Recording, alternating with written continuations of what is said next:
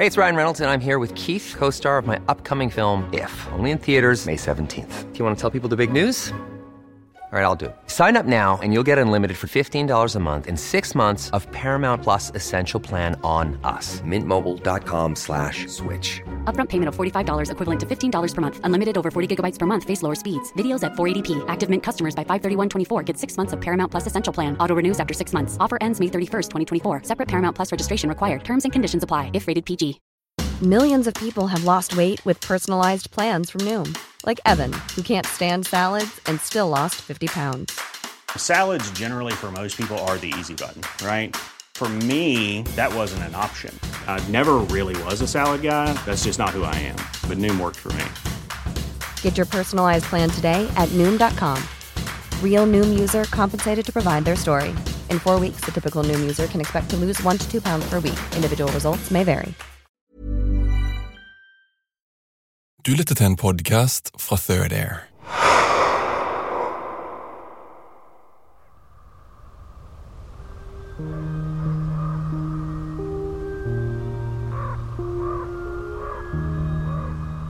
Et stummende nattemørke ligger over skogområdene som fyller tre fjerdedeler av Åmot kommune. Det er midt på natten. Klokken er nesten kvart over to. Grendesamfunnet Osen sover. Godnattsangene har blitt sunget for timevis siden. Lave svusj ligger i luften, fra en svak bris som tar lett fatt i busker og grener. Men med ett brytes roen.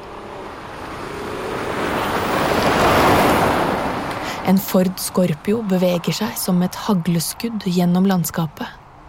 Like bak følger bygdas menn. To lensmannsbetjenter, to av de beste tjenestemennene de har sett her oppe. De oppklarer saker på rekordtid. Lovbrytere har ikke nubbesjans, alt blir effektivt stoppet. Det er heldigvis nettopp deres oppgave å få en ende på denne historien. Historien om da østeuropeisk mafia kom til bygda. Tok for seg. Spredde frykt blant et mildt og medmenneskelig grendefolk. De to betjentene er enige. Hit, men ikke lenger kamerater. Men det er ingen liten oppgave de har foran seg.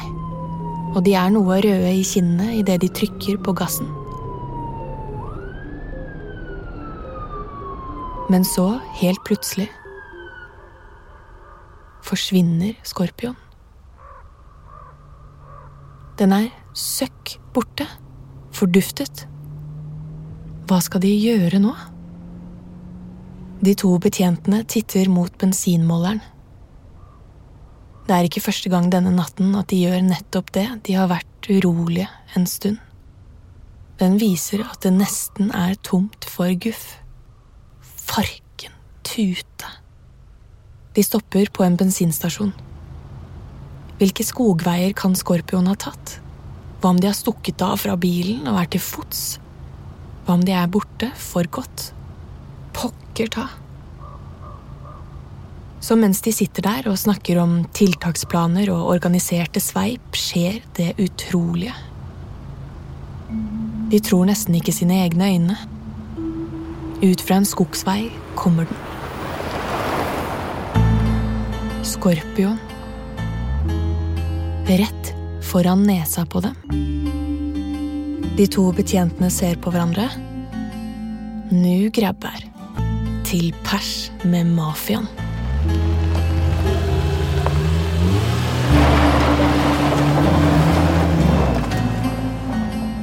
Og her, midt i en biljakt på grusveier som svinger seg mellom skjeggete furutrær i Østerdalen, har vi kommet til fjerde og siste episode i denne fortellingen om da medlemmer fra estisk mafia kom til et norsk grendesamfunn. Hvis du liker det vi lager, så må du gjerne tipse andre om dokumentarene våre. Men la oss komme tilbake til historien. Og vi skal spole litt tilbake, til før biljakta midt på natta. Til da den lokale lensmannen har satt ut fella si. Og både han og flere av bygda sine innbyggere holder på en hemmelighet, mens de venter på at ransmennene skal komme tilbake for å hente byttet sitt. Denne episoden heter Katt og mus. Mitt navn er Lars Kristian Øverland. Og det er Emilie Skattegård som forteller historien.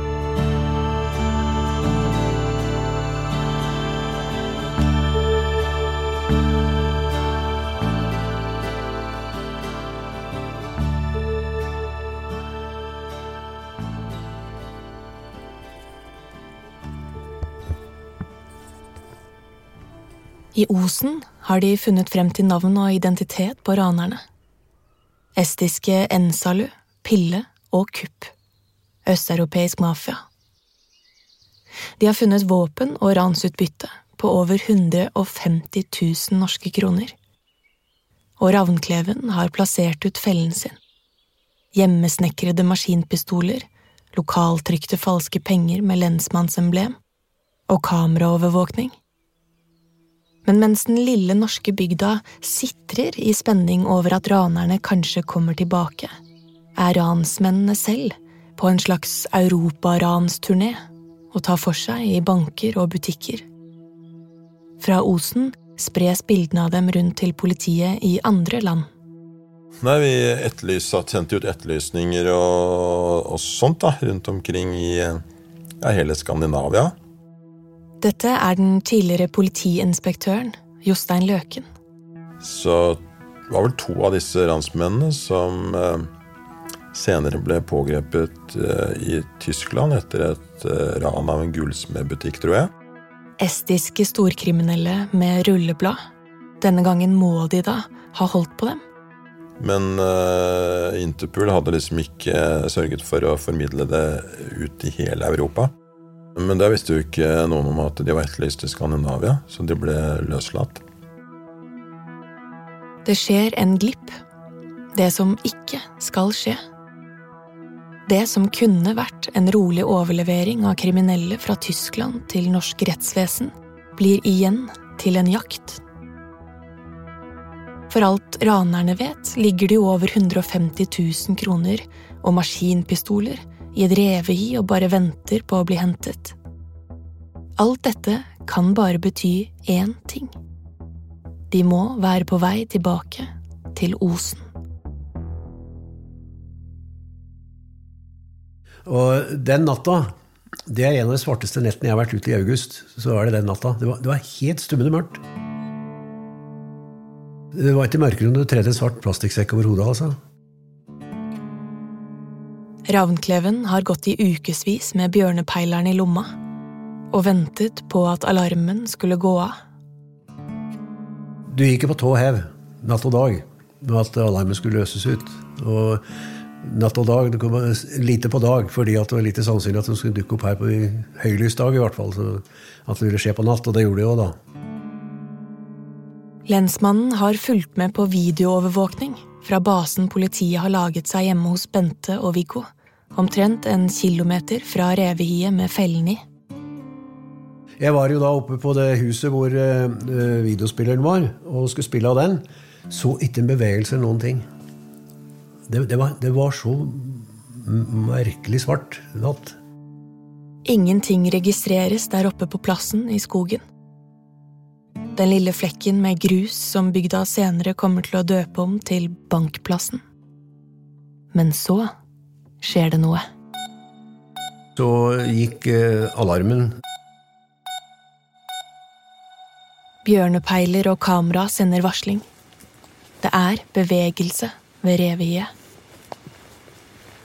Så jeg tørna da ut om natta og borti her, og det dro da ut patruljer fra Elverum, fra Åmot og fra Trysil, som dro ut da umiddelbart.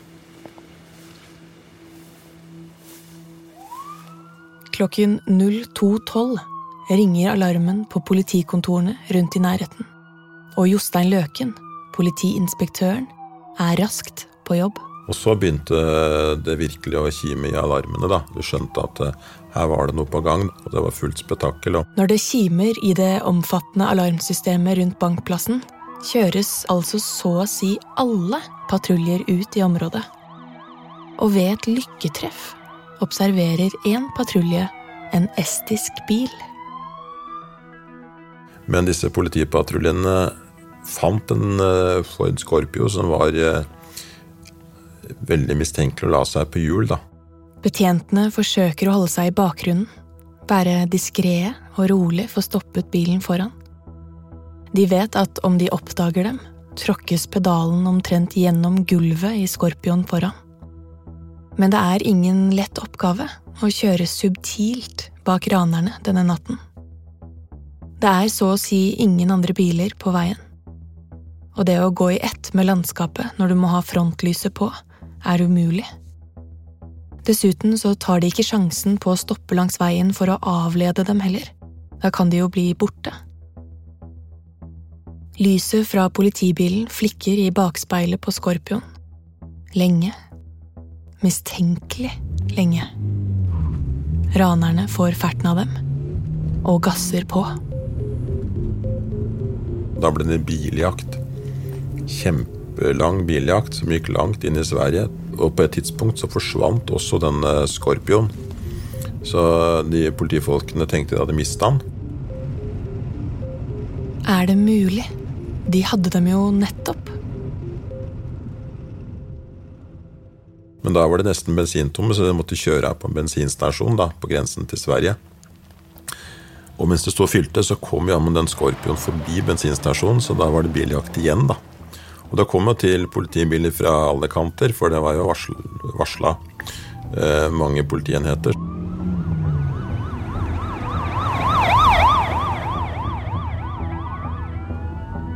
Det hele er som en 90-talls actionfilm. En varm, men beksvart natt i august, midt inne i skogsriket, langt oppe i dalstrøkene i Østerdalen, farer en Ford Scorpio gjennom landskapet med en bråte av politibiler, hakk i hæl.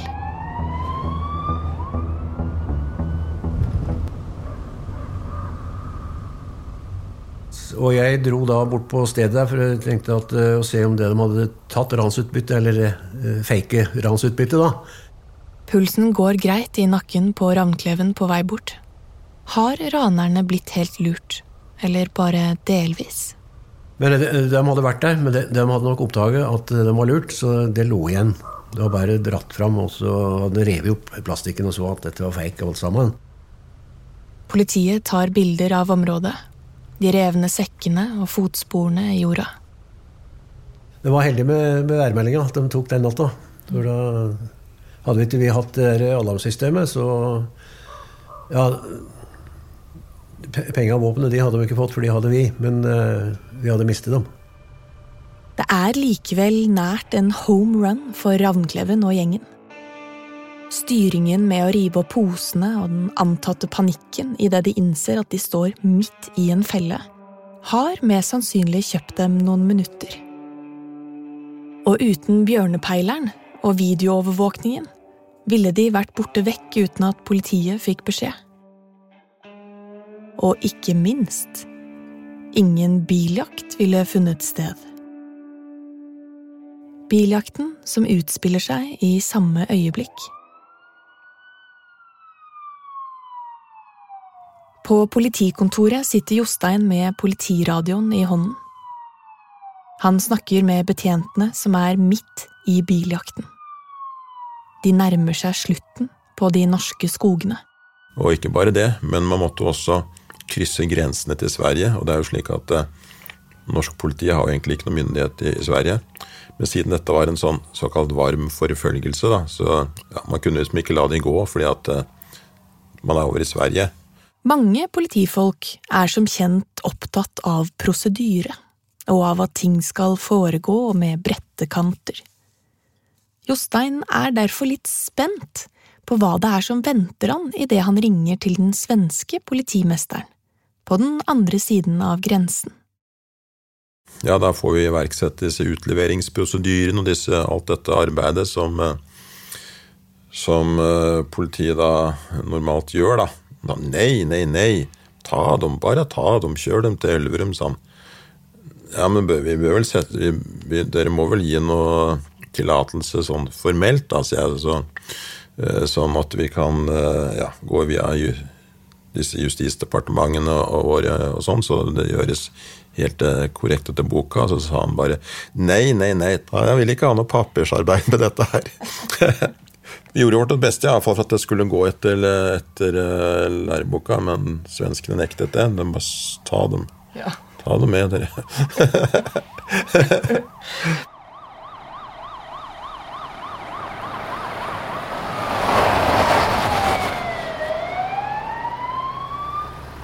Klokken 05.30, omtrent tre timer og et kvarter etter at bjørnepeileren går av i lomma på ravnkleven, stopper Skorpion i Ekserad i Sverige. Så da den skorpionen ble stoppet i Sverige, så så vi jo, kjente jo igjen liksom den lange, senete halsen da, på han ene av ransmennene. Gutta i bilen viser frem pass. Men bildene i passene matcher ikke med de som sitter i bilen. Nok en gang aner Jostein råd. Politikompisen hans i Tartu i Estland må på banen igjen. Så når de la fram eh, passet, så kunne jeg ringe til han. Kan ikke du sjekke da om eh, den som har dette passet, om han er hjemme? Det viser seg at det ene passet tilhører den lokale bakeren i Tartu. Kompisen kjenner selvsagt godt til bakeren. Der er han jo innom flere ganger i uken uansett så da er det bare å få på seg jakka. Ja, så kompisen din gikk liksom bare innom? Rusla ned gata og gikk inn? Ja, Politiet de tok seg en tur bort på huset hans og spurte, banka på døra og spør ja, er du hjemme i dag. Ja, her er jeg, sa han. Men noen har passet ditt i, i, Norge. Ja, det mistet jeg for noen uker siden. Noen stjal det, sier han da. De estiske ranerne, som er vant til å reise rundt i Europa totalt under radaren, som ingen her oppe kan kjenne identiteten på, får seg med det en støkk. Og så får han høre Nei, men det stemmer jo ikke. Han eh, bakeren han er jo på jobb, han. Han driver og baker, han. Uh, det er ikke sant, det du sier. Og han fikk jo Han ble veldig overrasket, da.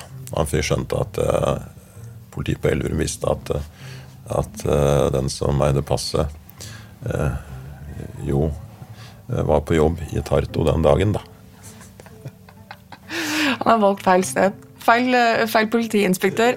Ja, det var veldig Det var jo veldig uh, overraskende for han, da. At uh, vi hadde så mye kunnskap.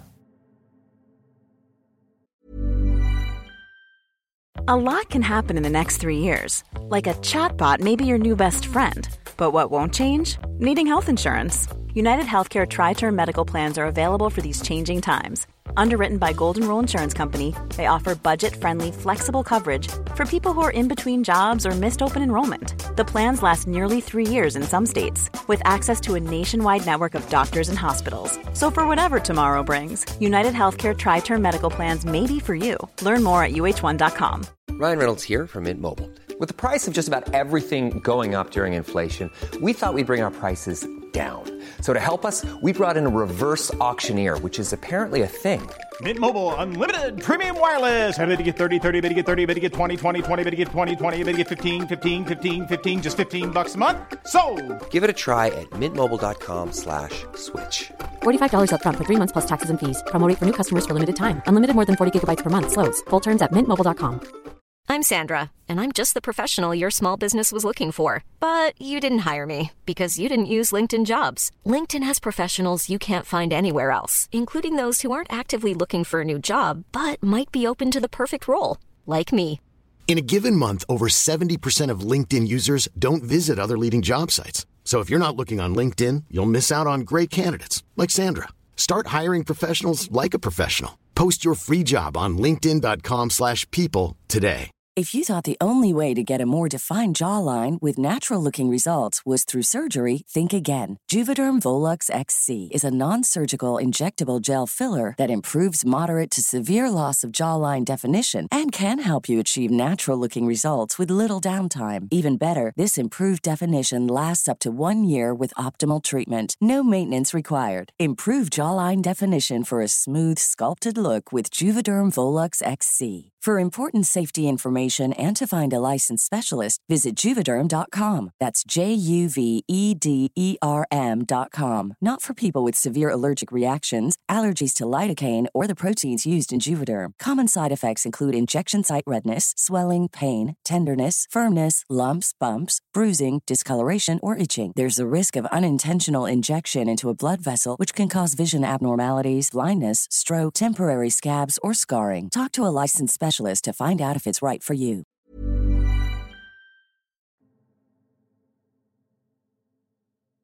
Både i bilen og på ranerne finner de tre viktige bevis. For det første har ranerne på seg sko med like spor som politiet tar bilde av ved reviet. Bak i bilen ligger kart over Osen-området, og i rettssaken bringes det frem DNA-materiale fra revehi og bil. Alt matcher. Det ble mer og mer fastslått at de hadde rett personer, og med flere, både fingeravtrykk, DNA, pluss da gjenkjenning av, fra han lensmannsbetjenten på Røros. Så alt sa bare at det, det var rett person vi var nødt til å stå overfor. Men ranerne, de blånekter. Bank. Hvor? Aldri hørt om. Vi har bare vært på fjelltur. Men de, hadde de vært på fjelltur? De mente det, og de viste også bilder at de hadde vært i fjellet. Ranerne mener altså at samme dagen som banken ble ranet, var de i Rondane. Et vanntett alibi, mener de. Det er bare ett problem. På bildene de viser frem, er det full sol. Men Ravnkleven, han har en bekjent som driver med anleggsarbeid, og som tilfeldigvis skriver dagbok. I retten viser han frem et bilde han tok av anleggsmaskinen sin i området hvor ranerne skulle ha gått på tur. Fra 31. juli, altså bankransdagen. Og på dette bildet er det overskyet, og ifølge dagboken var det overskyet hele dagen. Men det var ikke bare turen de forsøkte å snakke seg bort med. De var jo smarte også, så han påsto at det var noen polakker som hadde stjålet klærne hans. da. For liksom å gi inntrykk av at det var noen andre som hadde rana banken. da. Noen polakker som ingen visste hvem var. Forklaringen funker ikke, og det begynner å tette seg greit til rundt gutta fra Estland nå. Og det kan det virke som at det begynner å prege dem. Kanskje spesielt Kupp. Einar Kupp, som han heter, han eh, spilte da bajas og, og knøt seg sammen så han, og, og begynte å spytte rundt seg.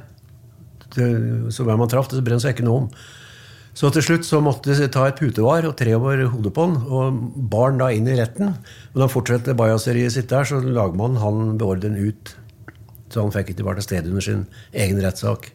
Rettssaken går sin gang, uten kupp til stede. De to eh, som ble dømt for ranet, var to ransmenn inne i banken, eh, de ble dømt til tre år og tre måneder. Og tredjemann, som da var eh, sjåfør, han fikk sju måneder. Så ble da dommen stadfestet, og de ble da plassert på Ullersmo. Blant annet Einar Kupp ble plassert der. Vanligvis ville historien kanskje endt her, men den gjør ikke det. For på utsiden av rettssalen, når putetrekket tas av hodet til Kupp, har han sluttet å frese. Men det er ikke fordi han har akseptert den nye skjebnen sin, den som han nå har fått servert svart på hvitt av det norske rettsvesenet. Han har blitt stille fordi han pønsker på noe.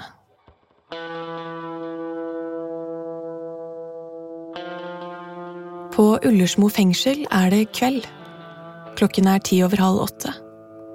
I et hjørne ved telefonene står en korthåret mann med en bred nese og snakker inn i røret. Mørke bryn, mørkt hår. Han snakker estisk. Ingen av betjentene ved fengselet forstår hva han sier. Etter kun ett minutt legger han på. og følger etter fengselsbetjenten. Han stiller seg inn i rekkene av andre innsatte og rusler over dørstokken ut i luftegården. Det som nå utarter seg, er en sammensmeltning av mange ting. En slags virkelighetens Murphys law. Alt som kan gå galt, går galt. Eller så handler det kanskje ikke så mye om det. Men om å undervurdere en sint ung mann. Fengselet er et midlertidig hjem for noen av de farligste og dessuten mest rømningsfarlige innsatte vi har i Norge. Inkludert en av denne historiens tjuvradder, Einar Kupp. Etter at de andre fangene vender tilbake til cellene klokken åtte, og fangevokterne går sin faste sjekkerunde for å se om noen mangler, kryper Kupp ut fra sitt gjemmested og tar seg bort mot muren i fengselets vestre del. Ingen ser ham, selv om denne delen i likhet med luftegården er fullt opplyst og overvåkes med flere kameraer. På den såkalte sentralen på Ullersmo plukker ingen ham opp på monitorene sine. Jeg har aldri hørt om at noen har rømt fra det fengselet der. Med, eh, ja, det var vel Norges eh, sikreste fengsel på den tiden, da. Dette er Jostein Løken. Og jeg har jo vært der mye som forsvarer da i ja, de snart 25 årene jeg har vært uh, forsvarsadvokat. Og jeg har jo tenkt at disse murene er jo uoverstigelige. Det er jo ikke mulig å komme seg over de. Du skal være gjennom flere sektorer med gjerder og piggtråd og alt mulig. Det er helt uforståelig, da. Umulig. Med mindre du heter Kupp og har nettverk. For på utsiden venter kompanjonger. De graver en lang jernstang dypt ned i bakken. Opp den firer de en taustige over kanten og ned på andre siden. Han klatrer opp stigen og firer seg ned som en brannmann i skumringen.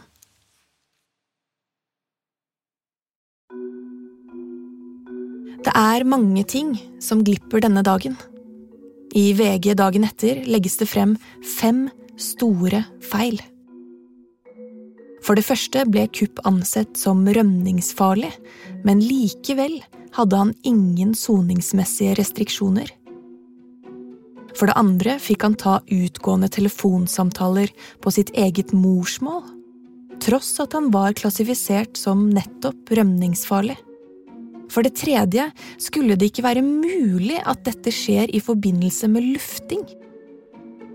Men selv om luftegården skal være rømningssikker og ikke inneholde gjemmesteder, så melder kilder i Romerikes Blad til VG at han gjemte seg under en kiosk eller hoppet over et gjerde i nærheten av kiosken.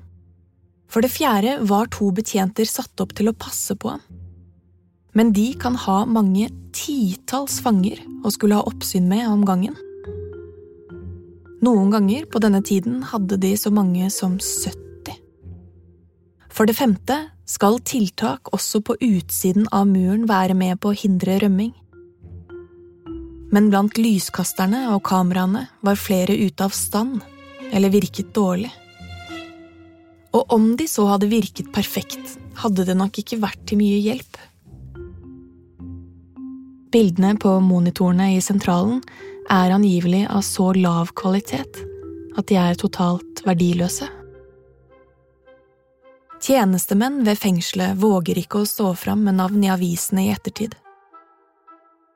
Men anonymt, til Romerikes Blad, har de ingen lovord om arbeidsplassen sin. Skandaløst.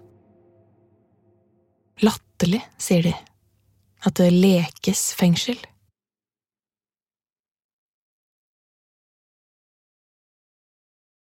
Og så får dere tatt dem, og så havner de i fengsel. Og så rømmer han ene. Hva tenker liksom, hva føler du idet du hører det?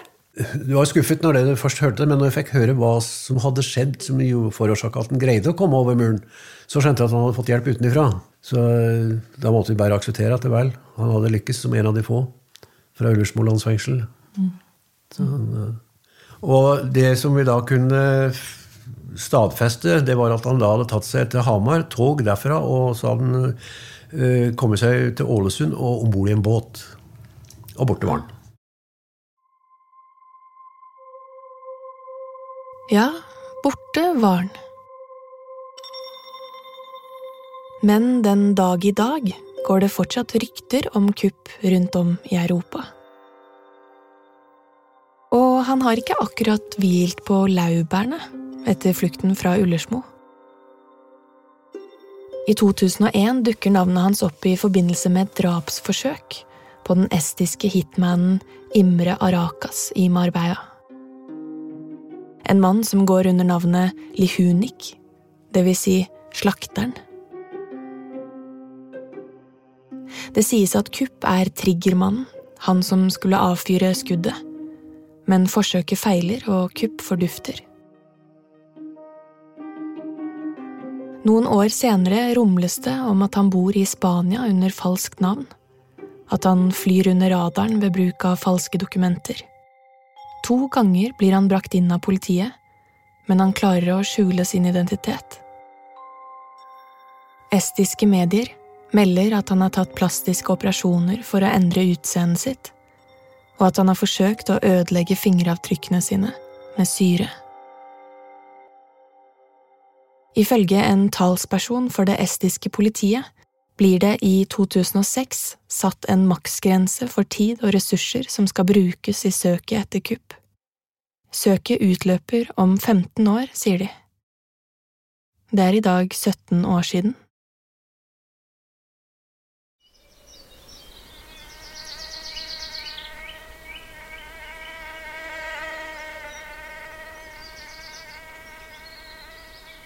Historien om Osen nærmer seg slutten. Historien om Ensalu, kupp og pille. Om maskinpistol i norsk sommersol. Om den lille bygda Osen, som forsøker å holde seg på kartet.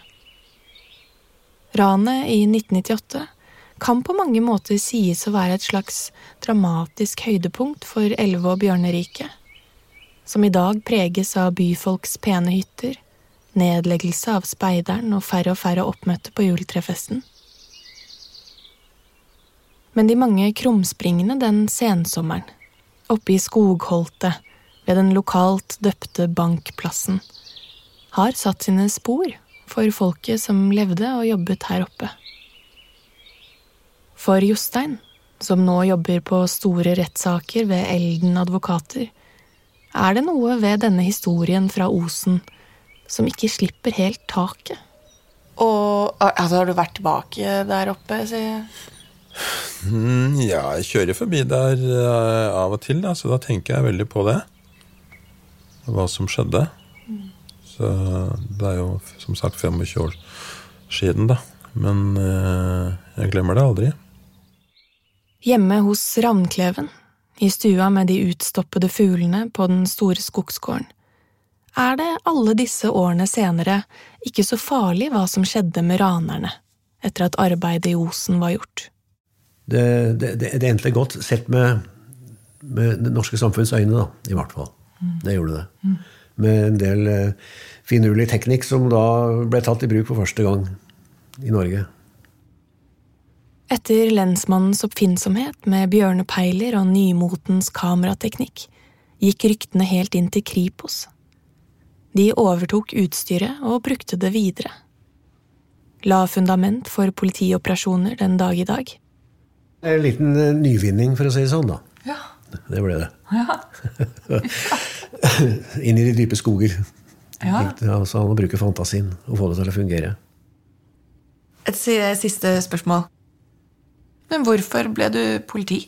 Fordi jeg ikke ble tannlege.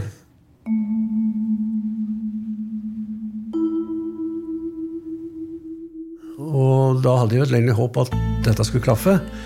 Men eh, da måtte jeg finne på noe annet, og så havne i politiet. Mm.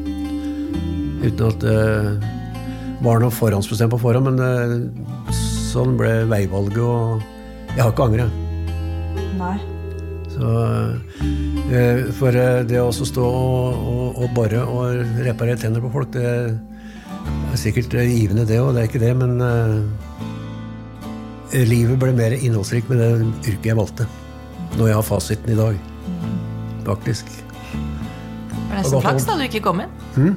Flaks du ikke kom inn. Ja da, ja da, kan si det, si det sånn i dag, da. Når vi har fasiten. Og flaks for Osen. Ja, det òg. ja. Flaks for Osen, altså. Som får ny teknologi utvikla for bjørn. Redesigna på et snekkerverksted i Osen. Og testa på estisk mafia.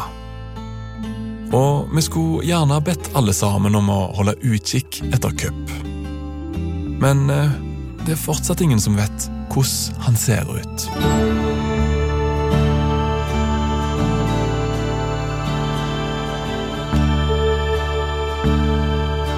Du har lyttet til en mørk historie fra Third Air. Denne glemte perla av en historie fra ei bygd i Østerdalen er tatt opp, skrevet og fortalt av Emilie Skrattegård. Lyddesignet du har lytta til, er gjort av Rasmus Spitz, og serien er miksa av Anne Obel. Eksekutiv produsent på Third Air er David Mehr. Ansvarlig utgiver er Martin Jonsson. Mitt navn er Lars Kristian Øverland, og allerede neste uke har vi en ny episode klar til deg. Hvis du trykker 'følg oss' i appen hvor du lytter, så skal den dukke opp av seg sjøl. Snakkes snart.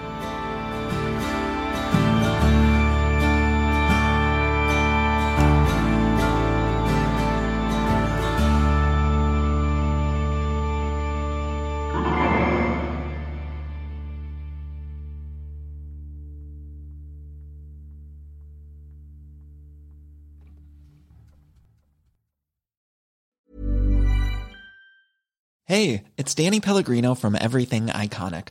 Ready to upgrade your style game without blowing your budget? Check out Quince. They've got all the good stuff shirts and polos, activewear, and fine leather goods, all at 50 to 80% less than other high end brands. And the best part? They're all about safe, ethical, and responsible manufacturing. Get that luxury vibe without the luxury price tag.